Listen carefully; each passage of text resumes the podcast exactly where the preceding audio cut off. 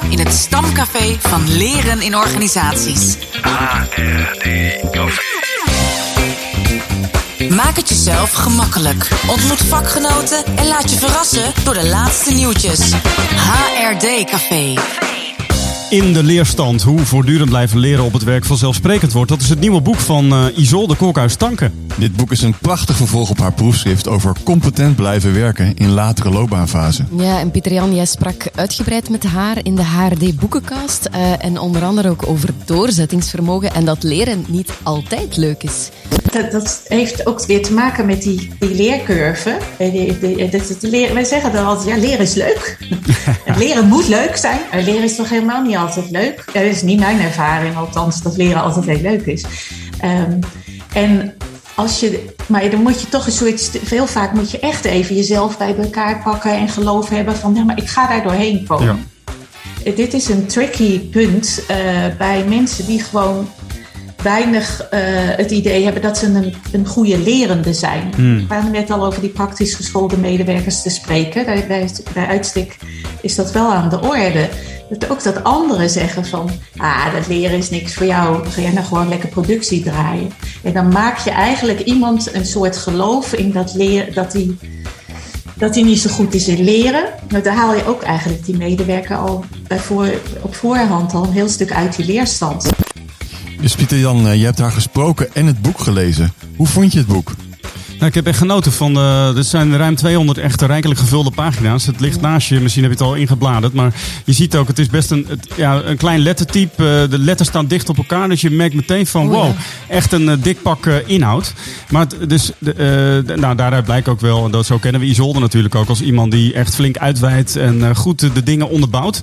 En dat is super leuk, want het brengt je ook weer op allerlei interessante bronnen. En tegelijkertijd permitteert ze zich ook om af en toe echt even lekker stellig gewoon zelf positie in te nemen. Dus dat vind ik een hele leuke combinatie van dit boek. Ja, en in het fragment wat ik vooral ook hoor, is dat sterk accent op dat geloof in, in het eigen kunnen van mensen. Nou ja, klopt. Ja, daar ging het inderdaad ook over. Het boek laat zich eigenlijk samenvatten in, zou je kunnen zeggen, twee modellen. Als eerste is er een model over wat eigenlijk de leerstand is. En volgens Isolde bestaat de leerstand uit, uit vier componenten. Dat zijn vier uh, overlappende cirkels. Uh, eigen motivatie, de onderzoekende houding, actiegerichtheid en dus ook geloof en zelfvertrouwen. Het moment dat je dus continu hoort uh, dat je niet kan leren of dat leren niets voor jou is, dat je het niet kunt. Ja, dat komt jouw geloof en zelfvertrouwen ja. dan niet ten goede. Terwijl dat eigenlijk zo belangrijk is voor de leerstand. Ja, dus ik vind het echt een mooie typeren. Ik vind het zo fascinerend. We zoeken denk ik ook steeds woorden dat het eigenlijk de bedoeling is dat je enerzijds goed bent zoals je bent of er mag zijn. En aan de andere kant altijd op zoek kunt zijn naar wat er beter kan of wat je kunt leren. Uh, je had het over twee modellen. Uh, het eerste ging over, dus over de leerstand. En uh, dat tweede? Ja, tweede, in het tweede model schetsen schetsen eigenlijk twee leerroutes. de eerste route dat is een route waarmee het leren versmalt. En de tweede route gaat juist over hoe je juist blijft, blijft leren in het werk. En die route die ziet er zo uit dat je, dat je eigenlijk, nou laat ik zeggen niet elke dag, maar misschien wel elke week zou uh, iets meemaakt in je werk. Waarvan je zegt, hé, hey, dat, dat weet, daar weet ik niet gelijk het antwoord op. Dat is een prikkel, dat is een trigger, dat is iets spannends. Um, en wat maakt waardoor ik iets nieuws moet gaan zoeken, of collega's moet bevragen, of uh, iets op moet zoeken, uit moet zoeken, iets uit moet proberen wat ik nog niet eerder zo gedaan heb. Dus kijk gewoon omdat het dan misschien effectiever is. Dan zet je als het ware op een heel, ja, heel goed, um, uh, ja, acceptabel niveau leg je, verleg, verleg je je grenzen. Uh, waar je iets van kan leren. Dat kan een klein stapje zijn. Voor de ene is dat een klein stapje, voor de ander is het misschien een hele grote uitdaging. Maar daarmee kom je vanzelf, als ik nou zeg dat het elke week zou zijn, misschien elke dag, elke maand. Ook dat is individueel uh, wat, le wat lekker past. Ja. Maar dat er, altijd, dat er wel de regelmaat in zit, dat er altijd in je werk weer een mom momenten zijn waar je even buiten je uh, grenzen gaat. Ja. Echt even denkt, ik weet dit niet. Zeg uh, Remco, hoe blijf jij leren in jouw werk? Ja, dat is, uh, dat is eigenlijk wel een spannende vraag. Want ik, volgens mij ontwikkel ik me iedere dag eh, in mijn werk. Maar tegelijkertijd ben ik nou bij uitstek niet zo'n goede cursusleerder. ik vond het wel grappig op het boek van Isolde staat ook alweer een cursus volgen. Hoe moet dat nou? Nou, ik ben echt een slechte cursist, maar het is wel een beetje een spannende opmerking. Want ik zeg dit in een zaaltje waar zo meteen een cursus gaat starten. In het bijzijn van de cursus, van degene die de cursus gaat geven. Maar ik leer heel graag, maar cursorisch leren is niet mijn Ja, sterkste en het mooie van, van het boek In de Leerstand is eigenlijk dat het dus ook het eh, beyond cursus leren gaat. Dus het Absoluut. gaat ook echt over informeel leren. En eh, Ja. nou, eh, af en toe eh, geprikkeld worden of je laten uitdagen door iets wat, wat, wat onvanzelfsprekend is, niet gewoon is. Jij reed vandaag naast Litty geloof ik eh, hier naartoe. Nou, dat is voor jou ook in de leerstand, toch? Eh, totaal in de leerstand. Uit de comfortzone naast iemand rijden. Waar ik moest aan denken, Pieter-Jan, is eh, als ik dit ho- fragment hoorde, was voor mij is offerte schrijven op een nieuwe vraag van een klant, is echt een leermoment. Dus die reframe ik ook als dit is studietijd, omdat het is heel uitdagend, het is oncomfortabel. Je moet het op papier zetten, structureren, nadenken en het witte blad tegemoet gaan. En dit is gewoon een soort eh lifehack. Het is stom om te doen, maar je noemt het leren. En dan Ja. is het ineens, oh, wat ben ik lekker bezig. Ja, dan denk ik, dit is studietijd. Dit is gewoon studietijd. En vind je het dan leuk? Of? Dan vind ik, het, dan vind ik het aanvaardbaarder om er veel tijd in te steken. Want je weet ook nooit of je de offerte dan uiteindelijk haalt. Ehm, en voor mij kan ik dan die tijd op die manier als meer waardevol inschatten. Ja, ja, maar en, en beleef je dan ook plezier aan boeken erbij pakken, een beetje op eigenlijk internet wel. struinen? Ja, en dat soort- absoluut. Ja. Ja, Ja. En ook eh, zien wat heb ik al gedaan, waar, wat kan ik gebruiken uit andere cases van andere organisaties. Dus het kan ook echt een plezier worden, maar je moet wel even die witte bladdrempel over. Ja, en hoe doe je dat dan? Ehm, ik heb een vast muziekje op Spotify. Ik heb een lijst en ik heb een, hetzelfde liedje dat ik dan opzet. En dan kom ik in de schrijfvibe. En dan zet ik mijn noise cancellation eh, hoofdtelefoon op. En dan zit ik in een mentale focus en een schrijffocus. En dan kan het ook echt leuk worden. Dus terwijl je dochters dan het huis afbreken, zit jij lekker eh, Absoluut. in de Jij weet hoe dat gaat, hè? De belangrijkste conclusie uit, eh, van- als- uit het boek is dat je, eh, wil je dat mensen in de leerstand komen, dat je niet alleen zegt, dat je vooral niet alleen moet zeggen van ga in de leerstand staan. Want dat, werkt eigenlijk niet zo, maar ga naar die werkcontext kijken. En eh, die, die, die, die appelleert aan de leerstand of niet. En je wilt natuurlijk dat hij dat wel doet. Wil je die, leersta- wil je die, leerom, of, hm, sorry, wil je die werkomgeving daar beter op toerusten en echt kijken wat mensen juist uit de leerstand haalt, dan kan je dat niet beleggen bij iemand van HR Nee. of bij een leidinggevende. Het zit ook heel veel tussen mensen Ja. onderling, bepaalde patronen van werken. en Bepaalde gezagsverhoudingen waar we het net bijvoorbeeld over hebben, die Ja. er lijken te zijn. Nou, dan moet je eigenlijk al met een gemixte groep daarmee aan de slag. Ja. En dan niet alleen door daarover te filosoferen van, oh nou dan zouden we eens dit of dat eh, moeten doen, maar ook daadwerkelijk dat te gaan proberen en te proberen doorbreken. Ja, En dan kom ik toch wel in die vorm van actie leren, actieonderzoek uit. ja. eh, waarbij je echt heel snel probeert dat wat je, het lek wat je boven hebt gehaald. Eh, of een dieper liggende laag van leerblokkade, om daar wel direct een spaak tussen te proberen te steken. En te kijken wat er gebeurt als je dat eens anders gaat doen. Ja, Isolde werkte deze modellen dus eh, uit naar verschillende doelgroepen. En eh, concludeert ook dat uh, actieleeraanpak eh, kan helpen om in de leerstand te blijven. En eh, wat ik daarbij eigenlijk heel mooi vind, is dat ze ook focust op de context. Hè? Dus je kan natuurlijk zeggen van je hebt als individu moet je het maar regelen. En eh, weet je, de omgeving doet er niet toe. Eh, maar een bepaalde werkcontext kan je echt helpen om in de leerstand te komen.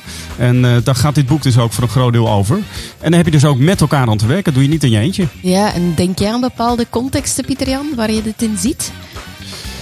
Um, nou ja, als ik naar mezelf kijk, uh, ik heb nu een context gecreëerd waarin ik even wat minder werk heb. En dat Ja. brengt me ook wel in de leerstand. Oh dus, ja, uh, ja, dat is echt Ja. uit comfort ja, gaan. ja. Maar, en, daar, en door dat te vertellen, van, uh, dat ik een bepaalde focus heb in mijn werk, uh, helpen mijn collega's ook om die context te maken. Ja, ja, ja Dus- waardoor die andere dingen aan jou Ja. vragen en jou in andere situaties Ja. ook brengen. Dus Ah, ja, voor mooi. mij denk ik dat je aan een context bouwt door het ook met collega's te delen. Maar ik kan me voorstellen dat in een fabrieksomgeving dat dat weer heel anders is. Ja. Wil jij het eh, bijna één uur durende gesprek van Pieter Jan met Isolde Kolkhuis-Tangen over haar nieuwe boek In de Leerstand terugluisteren?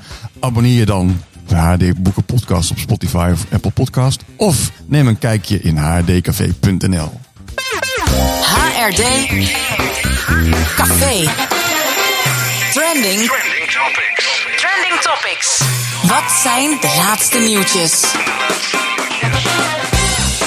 Kijk ons zingen of verzorgen, zoveel mensen in de bouw. Maken waggies, smelten ringen voor de hand van je vrouw. We zijn agenten, verzorgers of brandweerlieden. Zoveel waar je op kan bouwen en nog zoveel meer te kiezen. Ik heb geen papi die betaalt, dus we gaan werken tot we vallen. En we vechten voor ons land als een soldaat met echte ballen. Wij zijn nodig elke dag, dus maak ons niet boos. Je hebt geen poot om op te staan zonder een MBO.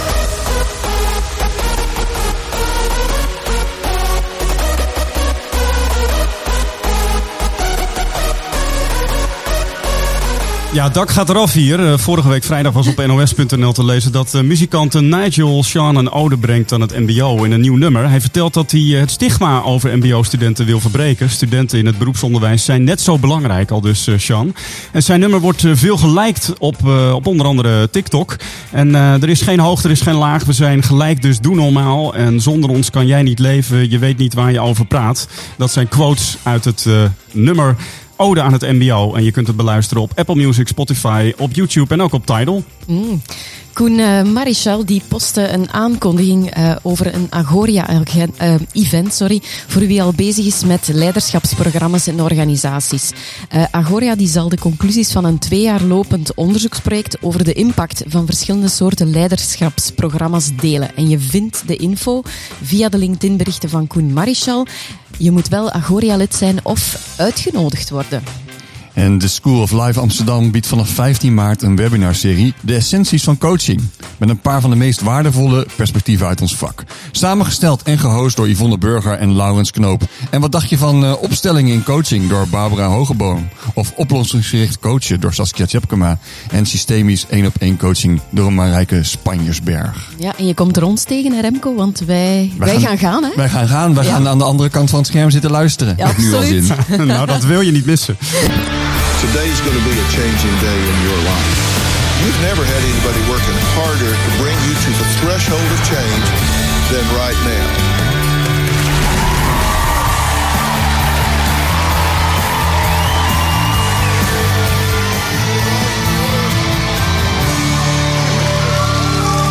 Okay, I've got a question for you.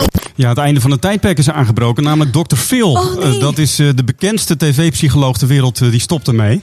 En in Trouw werd vorige week de, Amerika de Amsterdamse psycholoog en schrijver Arthur Eaton geïnterviewd. En hij zegt iets interessants. Een bevriende psychoanalyticus zegt, hij zei ooit, er zijn veel beroemde psychologen, maar we zouden eigenlijk meer beroemde sociologen moeten hebben. We zijn echt doorgeslagen in het individualistische mensbeeld, zegt hij. En we zouden het eigenlijk meer moeten hebben over sociale problemen tussen mensen. Hmm. Nou, ik herkende daar wel iets in, uit ons vakgebied misschien. Ons vak. Remco. Ja, misschien moeten we ervoor uitkijken dat we te veel psychologiseren. Ik ben wel benieuwd hoe jullie daarnaar kijken. En vergeten we dat we juist kunnen investeren in de relaties tussen mensen. En in, bedrijven, in de bedrijven en instellingen waarin we werken. Ja, klopt. Ik denk dat is een beetje waarom mijn liefde eerder uitgaat naar teamcoaching dan naar individuele coaching omdat ik... Um, dat is meer een sociologisch vraagstuk dan een ja, psychologisch Ja, ik denk vraagstuk. het zit tussen mensen en ik heb vaak het gevoel als ik mensen alleen zie dat ik het plaatje niet volledig zie en dat ik perspectieven mis. Ja, dus ik, we moeten even nadenken over wie de opvolger van Dr. Phil dan zou moeten zijn. Maar die moet dan. Het is, ja, ik vond het ook fascinerend, maar verschrikkelijk. Ik heb ooit zo'n uitzending gezien en dan zei hij ook van uh, tegen zo'n zo'n totaal treurige moeder van uh, Would you die for them? Weet je wel? Ja, of course. Okay. so why don't you live for them? En iedereen, oh! En ik dacht alleen maar, hoe verschrikkelijk kan het zijn? Maar als je dat op zou tillen naar een sociologisch niveau en echt zo'n vrouw dan weer betekenis geven in interactie, dat ah, zou de moeite vind, waard zijn. Uh, in Vlaanderen is er een programma De Weekenden en dat vind ik echt wel een mooie sociologische waarde hebben. Dat is Joris Hessels uh, die dat maakt. En ja, ik vind hem ook prachtig om naar te kijken. Hoe, de manier waarop hij de gesprekken leidt. Dus dat moet je eens bekijken. Op. VRT Max vind je dat. De Weekenden brengt echt wel een sociologisch perspectief binnen. Kennis in ontwikkeling. HRD Café. Want van boeken krijg je nooit genoeg. En misschien uh, leuk om een keer een uh, thema-uitzending aan te wijden. De psychologisering van ons vakgebied. Uh, Absoluut. de Grabbelton. Ehm, Annelies, hoe is je eerste keer bevallen? Grabbelen. Ja, ik, ik wilde nog wel eens. en, en wie gaat grabbelen deze keer? De, de, de, we, het was moeilijk, hè, Remco, maar we hebben toch besloten. Wat hebben we nu uiteindelijk besloten? Dat ik het mocht doen? Ja, jij mag grabbelen. Oké. Okay, ik beschouw jullie gewoon als een zelfsturend team, dus ja, uh, je kan voilà. gewoon uh, anders lachen. ja, hij wou geen sturing geven, hè? wij vroegen het. En het is nummer 8 geworden. Nummer 8? Ja. Het is een bijzondere, wacht hoor, even kijken. En de quote is: ehm, Af en toe moet je doen alsof je doof bent. Af en toe moet je doen alsof je doof bent. Dus dat je Oost-Indisch doof, zeggen ze wel eens bij mij thuis. Van, Ja. eh, ja. Of ik tegen hen thuis. Maar eh, dus af en toe moet je doen alsof je doof bent. Ja, het is moeilijk om te raden hoor, heren. Ja, dit, is, dit, is, dit zou gewoon... eh, ik, ik heb geen idee. Het een zou ook over- over, eh, over een En kunnen er is een link ook met het sociologisch perspectief. Een Eh, boek over luisteren? Of, eh, het- en het is dus geen boek. Ik ben Het is een beetje, is ja, geen ik boek, ben een ja. beetje out of the box gegaan. Het is een luisterboek. Het is, eh, het is een Netflix-reeks. een Netflix-reeks? De Netflix-reeks Live to Lead. Hebben jullie het al gezien? Nee? Nee? Eh, het is een mooie, denk ik, een acht, negendelige reeks met allemaal eh, leiders die aan het woord zijn. En deze quote is van Ruth Bader Ginsburg. Ah, Kennen jullie haar? dat is van de, van, de, van de Girl Scouts, right? Ja, zij was, ehm, zij zat in, help me even, de, de, het Hooggerechtshof in Amerika als eerste vrouw. Oh, dat was zij. Ja, nee, was die hoge rechter, niet Ja, van de Girl Scouts. rond vrouwelijk leiderschap heeft Ja. zij heel veel betekend en Ja. ook emancipatie van vrouwen. Ja, Ehm, en de quote, die heb ik onthouden, want die heeft ook met ons vakgebied te maken, Remco. Maar zij had van haar schoonmoeder, toen ze huwde met haar man Marty, die haar heel hard gesteund heeft in haar loopbaan, ehm, zei haar schoonmoeder van, eh, liefste Ruth, eh, ik geef je één iets mee, je moet af en toe proberen doof te zijn als je iets hoort. En ze zei van, ik heb dat zowel in mijn huwelijk, met mijn kinderen ook gebruikt, maar Ja. ook heel veel op het werk. Soms moet je doof zijn voor wat je gehoord hebt en samen verder gaan.